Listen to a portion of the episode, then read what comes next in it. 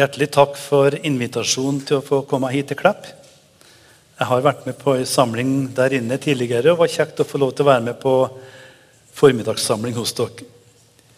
Eh, det er vel ikke alle som kjenner meg. Det er så Georg Mork. og Jeg er trønder, men det er lenge siden jeg har bodd der oppe, så jeg tror ikke det skal skremme dere. Eh, jeg tror dere skal forstå hva jeg skal si. Jeg har vært ansatt i Misjonssambandet siden 1974 i forskjellige oppgaver. Vi kom til Haugesund i 1999. Da var jeg kretssekretær i det som da var krets. og Så ble det region, og nå er jeg ansatt i region sør-vest. Misjonssambandet. Min oppgave der det er bl.a. å være forsamlingsleder i Haugesund. 30% av stillinga. Så har jeg noen administrative ting jeg hjelper regionkontoret med, og så tar jeg møter. Så jeg har det greit. Og her har vi fått et flott tema i Kristus total forandring. Les Bibelen. Jeg måtte klø meg litt i hodet når jeg så temaet og tenkte på hvordan skal vi gripe dette an. Eh, saken er jo viktig, men poenget er jo at det blir matnyttig for oss alle. Eh, vi kommer til å begynne med siste delen av temaet, og så jobber vi oss framover til i Kristus. Og vi skal ha ett bibelvers som på en måte ligger i bakhodet eh, mens vi går gjennom det her. Men først så ber vi. Kjære Frelser, takk for eh, alle som er samla her på Klepp i dag, både små og store.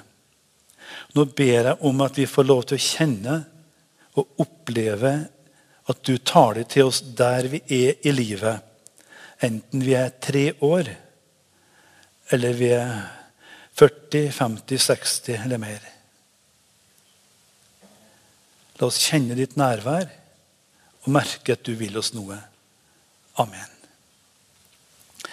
Vi skal lese ett vers fra Johannes 15, eh, vers 4. Det er jo beretninga om Jesus og vintreet. og Den har dere hatt oppe tidligere, vet jeg. Eh, men det verset forklarer på en måte sammenhengen i det vi skal dele i dag. Johannes 5, 4.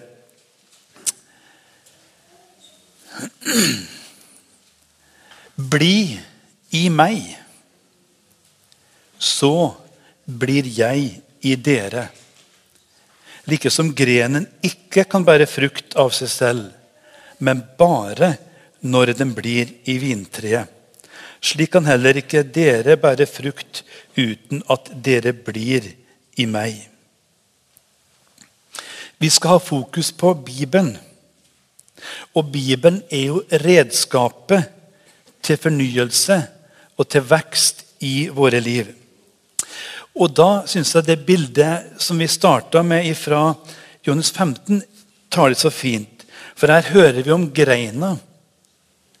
Og Det som er viktig poeng i den beretninga, er jo sevjen som går fra rotsystemet og helt til det ytterste i greinene. Og det må være i orden skal det bli frukt. Og Det er et godt bilde på hvordan det er tenkt i våre liv. For det det handler om, det er det å ha åpne kanaler mot himmelen, som slipper alt det vi trenger, inn i våre liv. Og Vi har et fint, vers, eller fint avsnitt i Salme 1. Vi skal også ta med oss det.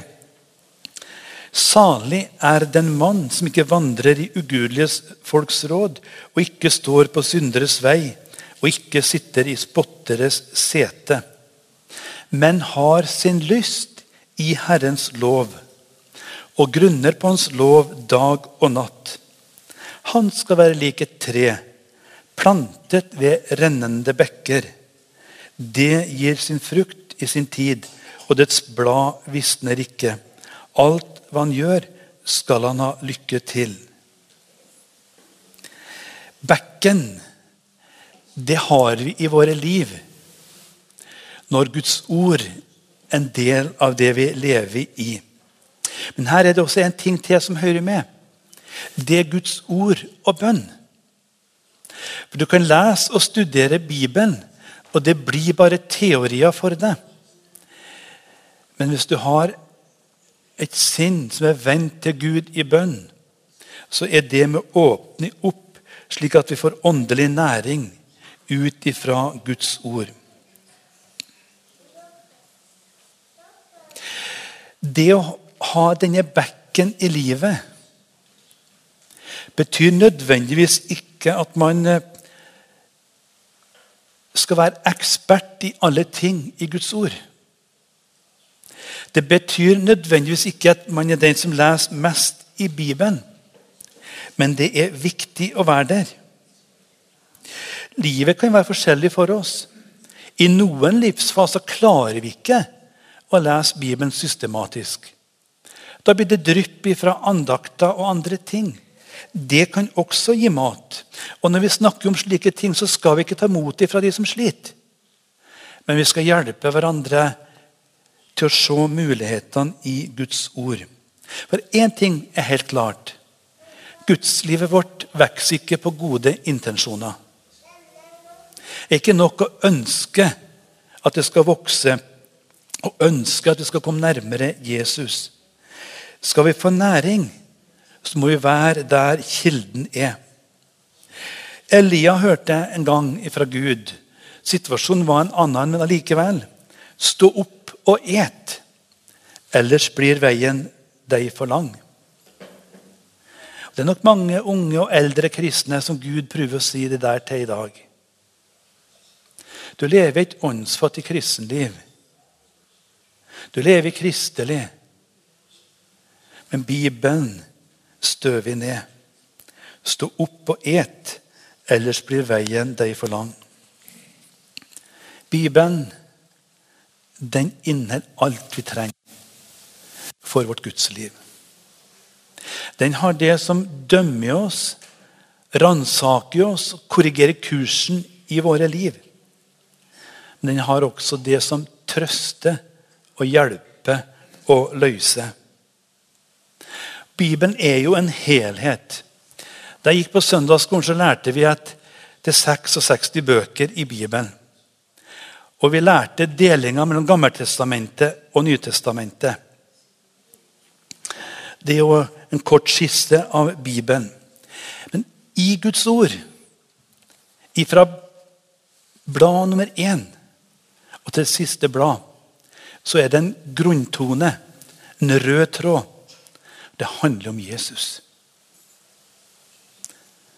Alt er viktig, men det aller viktigste er at vår bibellesning ender opp med at vi blir mer og mer avhengig av og mer og mer kjent med Jesus. Da, Jesus, da disiplene møtte Jesus første gangen, så skjedde det litt, forskjellig. Men det står et litt interessant vers i Johannes 1, 45. Det er Philip som finner Nathanael. Så sier han til ham Ham som Moses har skrevet om i loven, og som profeten har skrevet om. Ham har vi funnet. Jesus Kristus, Jesus Josefs sønn fra Nasaret. La du merke til hva jeg leste? Ham som Moses har skrevet om i loven, og som profeten har skrevet om. Det var altså på bakgrunn av sin bibelkunnskap. Han kunne se at det var Jesus. Han som er kalt for tømmermannens sønn. Og Jødene har jo en grunnkunnskap når det gjelder bibelkunnskap som er langt høyere enn det du og jeg har i dag. De kjente tradisjonene. De kjente til de skrifter som var grunnlaget for eh, deres tro. Men da er det litt tankevekkende å lese at tre år senere I den samme disippelflokken, Johannes 14, 7-9, så står det Jesus sier til disiplene Hadde dere kjent meg, så hadde dere også kjent min far. Og fra nå av kjenner dere ham og har sett ham. Philip sier til ham Og merk deg at det er han samme som viste til Bibelen tidligere. Herre, vis oss Faderen. Og det er nok for oss. Jesus sa, 'Så lang en tid har jeg vært hos dere, og du kjenner meg ikke, Philip.' Den som har sett meg, har sett Faderen. På en måte er det litt rart det står i Bibelen, men det er også godt. Disippelflokken slet også med seg sjøl. Det som på en måte var klart da Philip fant Nathanael, sleit han med tre år etterpå. Og Da kan også du skjønne at vi kan ha ting og utfordringer i våre liv. Og Når det gjelder det med bibelkunnskap og bibelinnsikt, så er det et veldig sammenfattende sak. Jeg vil bare nevne noen få ting her. Det står ikke i Bibelen, men jeg har lyst til å si vi har plikt til å tilegne oss Guds ord. Og det skulle da bare mangle. Det største i livet som har skjedd oss, at vi skal få et Guds barn. Og Da skulle det bare mangle at vi ikke setter oss ned og studerer Bibelen og det vi tror på. Da Jesus starta sin offentlige gjerning, starta han med en tale som hadde typisk lærepreg for disiplene. og Det er det vi kaller for bergpreka. Det var viktig for Jesus å få gitt et fundament for de som korrigerte deres tidligere gudsforståelse og kristendomsforståelse. Og vise dem den egentlige veien. Det var krevende for dem, men Jesus gjorde det. Det var så viktig.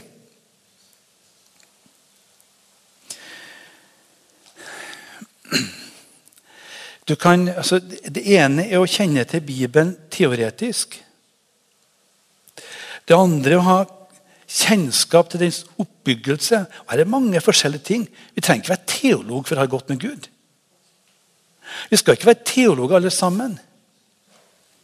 Men det er mange menn og kvinner, unge og eldre, som overgår teologer i bibelforståelse fordi de har gjort seg kjent med denne boka her brukt den, studert den, og ikke minst levd i og erfart det som står der.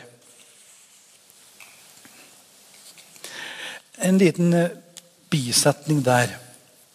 For oss som Guds folk er det også viktig å sette oss inn i det trosgrunnlag som vi har, og som vi står for.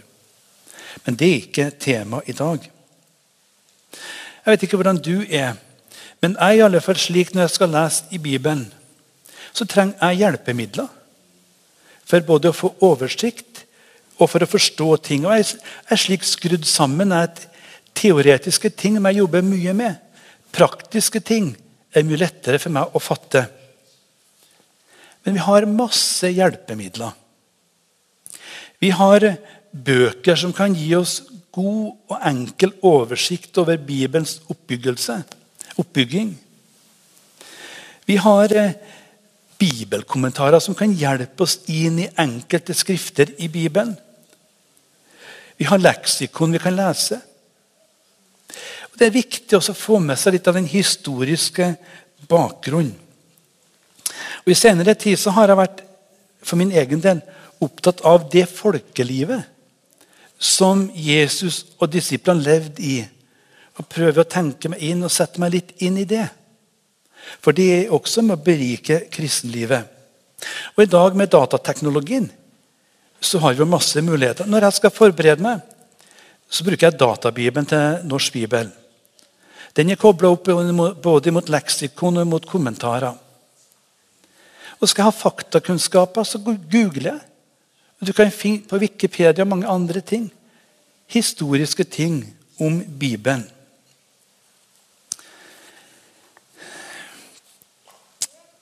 Vi har vel førerkort, de fleste av oss som er her i dag.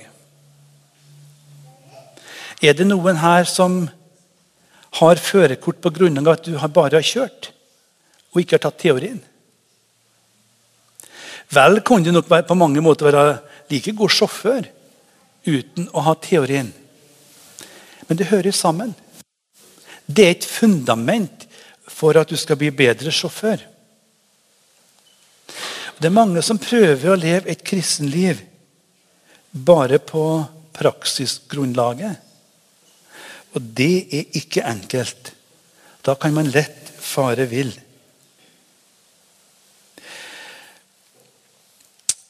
Det gjelder å finne sin form når det gjelder Bibelen. Noen bruker bibelleseplan. og Det kan være en god måte, for der får du jo noe litt veiledning og hjelp underveis. Andre leser Bibelen sammenhengende. Men forskjellige måter. Men finn din vei, og finn det tidspunktet på døgnet som passer best for deg. Leser du ett kapittel for dagen, så bruker du tre og et tredjedels år på å lese gjennom Bibelen. Men starter du fra bok én, så kan det bli ganske tungt når du begynner å komme ut i krønikebøkene. For der er det mange detaljer, og du føler det lite oppbyggelig. Eh, for min egen del så leser jeg et kapittel i Gammeltestamentet én dag. Neste dag leser jeg et kapittel i Nytestamentet. Det syns jeg fungerer greit for min egen del. For da får jeg litt blanding her. Men det det handler om, det åpner opp slik at Jesus får spillerom i våre liv. Men her er det som jeg sa litt tidligere, en dobbeltrolle. For det er ikke mengden av bibellesing som gjør meg til en god kristen. Men det at jeg leser Guds ord, det er på en måte å gi både bevissthet og underbevissthet et fundament, slik at Den hellige ånd kan plukke fram av det vannet vi snakker om, eller av sevjen. Så skal vi ha en liten sekvens her i talen hvor vi berører hverdagsutfordringene. Vi starta med ordet om greina og sevjen. Sevjen er det jo som gjør at greina vokser. At greina får blad, og at greina kan bære frukt. Og det er Guds ord som gjør at du og jeg kan vokse som en kristen. Et litt fint vers i Jesaja 37, 31. Det står det om jødefolket. Den rest som har sluppet unna av Judas hus. Og så kommer det. Skal skyte dypere rot nedentil og bære frukt oventil. Altså, frukta kommer på bakgrunn av at sevjen får nå fram. Nå er det her et litt annet bilde enn det vi starta med. Men vekst er jo faktisk naturlig der de organiske forhold er i orden. Du trenger ikke kommandere, kommandere grein til å vokse. Den gjør det av seg sjøl. Og slik er det også i våre liv. Dersom de kanalene som gir oss åndelig næring, er der og fungerer. Og her er et av målene, kanskje hovedmålet, at Jesus skal bli større og større for deg. Og at du skal bli mer og mer knytta til han. Døperen Johannes han sa det slik en gang Han skal vokse, og jeg skal avta. Og For døperen Johannes så var det ikke bare glansdager i livet. Han havna til slutt i fengselet, og det røyna på. Han fikk også oppleve kamper og anfektelser og åndelig mørke. Men der kom Jesus med hilsing gjennom hans disipler. Jeg vet ikke hvordan du har det som er her i dag. Kanskje så sitter du her og har dårlig samvittighet fordi at du får ikke til å bruke Bibelen som du har tenkt. Og du kjenner når du setter deg ned, så flyr tanker alle andre plasser enn der du er. Så føler du deg mislykka, og du tenker at det er ikke håp for meg. Det er åndskamp rundt det vi holder på med. Det er også åndskamp i våre liv. Derfor så kjenner vi på denne motstand og denne utfordringa. Men i Bibelen så står det i det høye og hellige bor jeg, hos den som er knust og nedbøyd i ånden, for å gjøre det levende, for å gjøre levende de nedbøydes ånd, og gjøre de knuste hjerters levende. Du skal få lov til å kjenne at vår Far i himmelen er nær der du er. Og så vet du at eh, du skulle bli mer og mer prega av Jesus og av Guds ord. Og Bibelen har et uttrykk som vi kaller for helliggjørelse. Og hva betyr det? I eh, det var vel Lundes bibelleksikon så sto det slik En troende er allerede hellig. Helliggjørelse vil altså si at denne gudskapte helligheten skal få utvikle seg. Det er Ånden som virker dette, men ikke uten den troendes medvirkning. F.eks. ved å døde det gamle mennesket. Forvandling i livet det er altså en livslang prosess. Og det skjer der kanalene er i orden.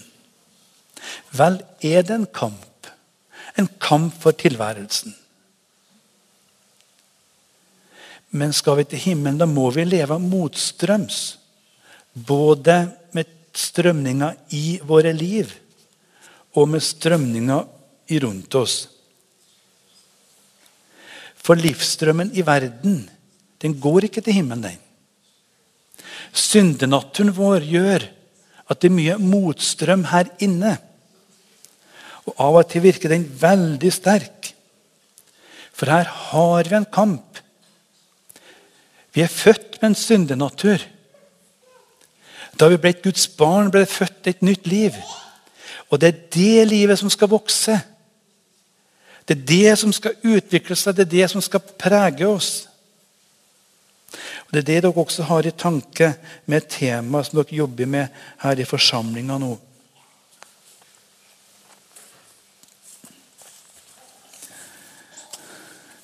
Og Da blir spørsmålet til oss Hvem av de to naturene ønsker vi skal vokse?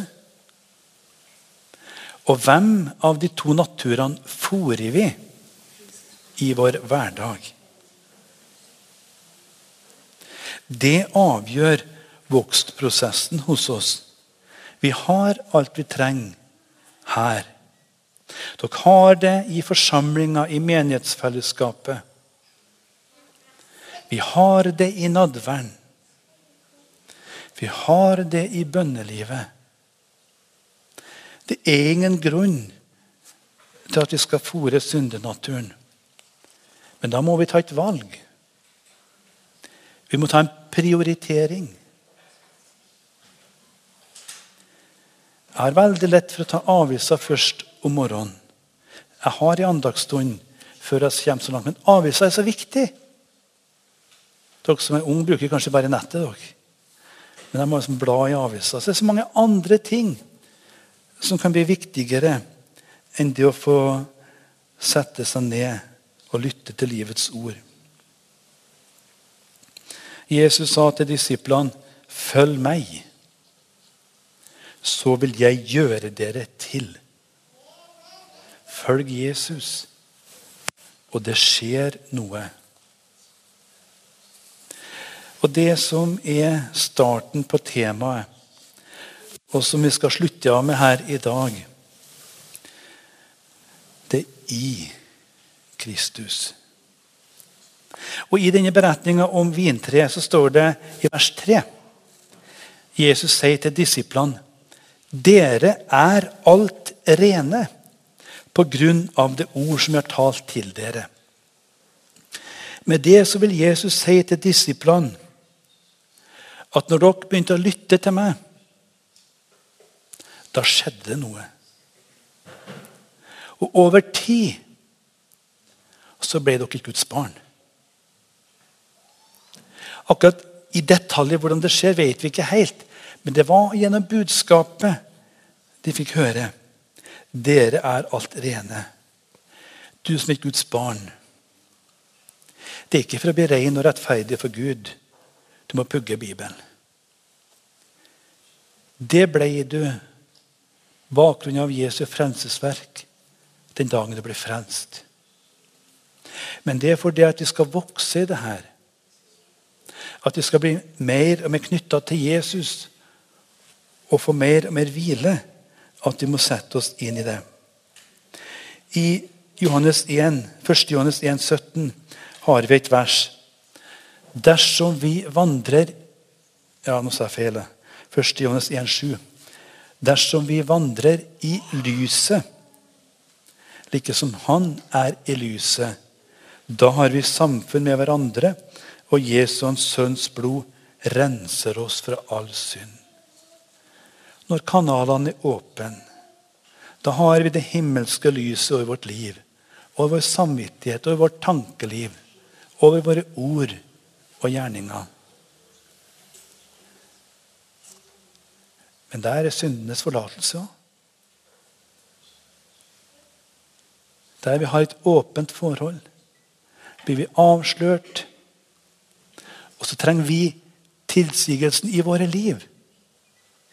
Men når det gjelder rettferdigheten for Gud, så er den konstant så lenge vi er i Jesus.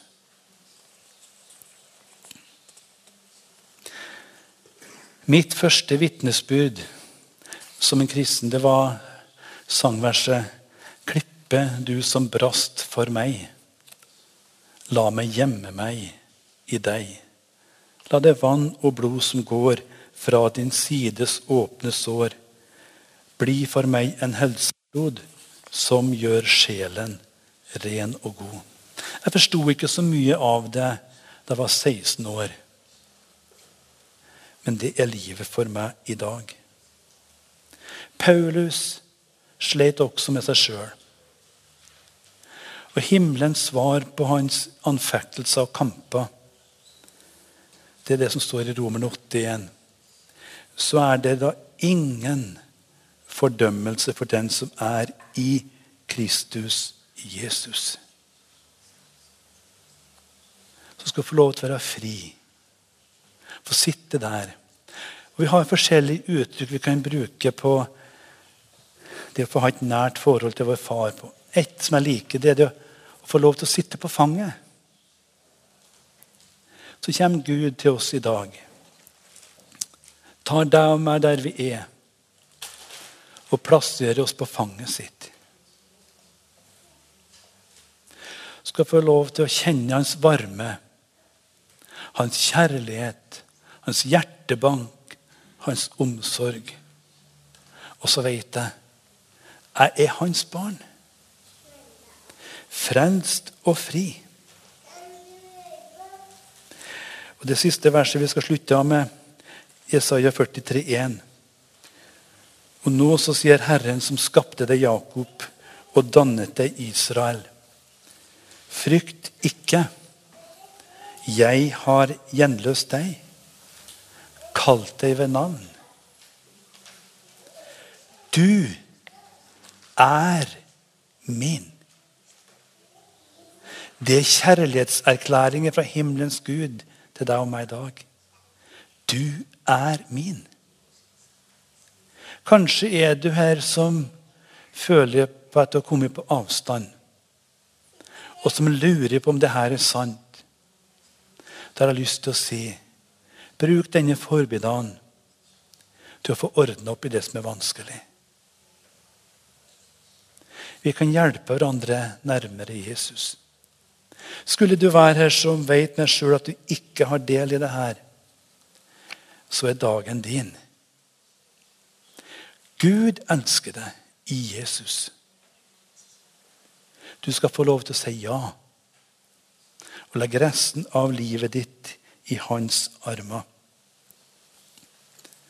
Hvilen her er målet i våre liv i dag. Bibelen er redskapet som fører oss dit. Derfor har jeg lyst til at vi kjente trangen behovet etter å få oppleve mer av det her. At det ikke bare er plikten som gjør at vi åpner vår Bibel, men at vi får gjøre det av glede. Fordi vi vil oppleve enda mer nærhet av vår Far og Frelser. Din, og Jesus, din å være er min lyst og all min ære. Din i liv og din i død. Derfor vil jeg trofast stride, i ditt fotspor vil jeg skride, følge deg som du meg bød. Og siste verset. Av din nådes lys omstråle, led meg selv på vei til målet mens jeg vandrer her på jord. Og når korsets tid er omme, til din himmel la meg komme, hvor i herlighet du bor. Velkommen til Jesus, opp på hans fang. La oss innvie resten av vårt liv til han i dag. Amen.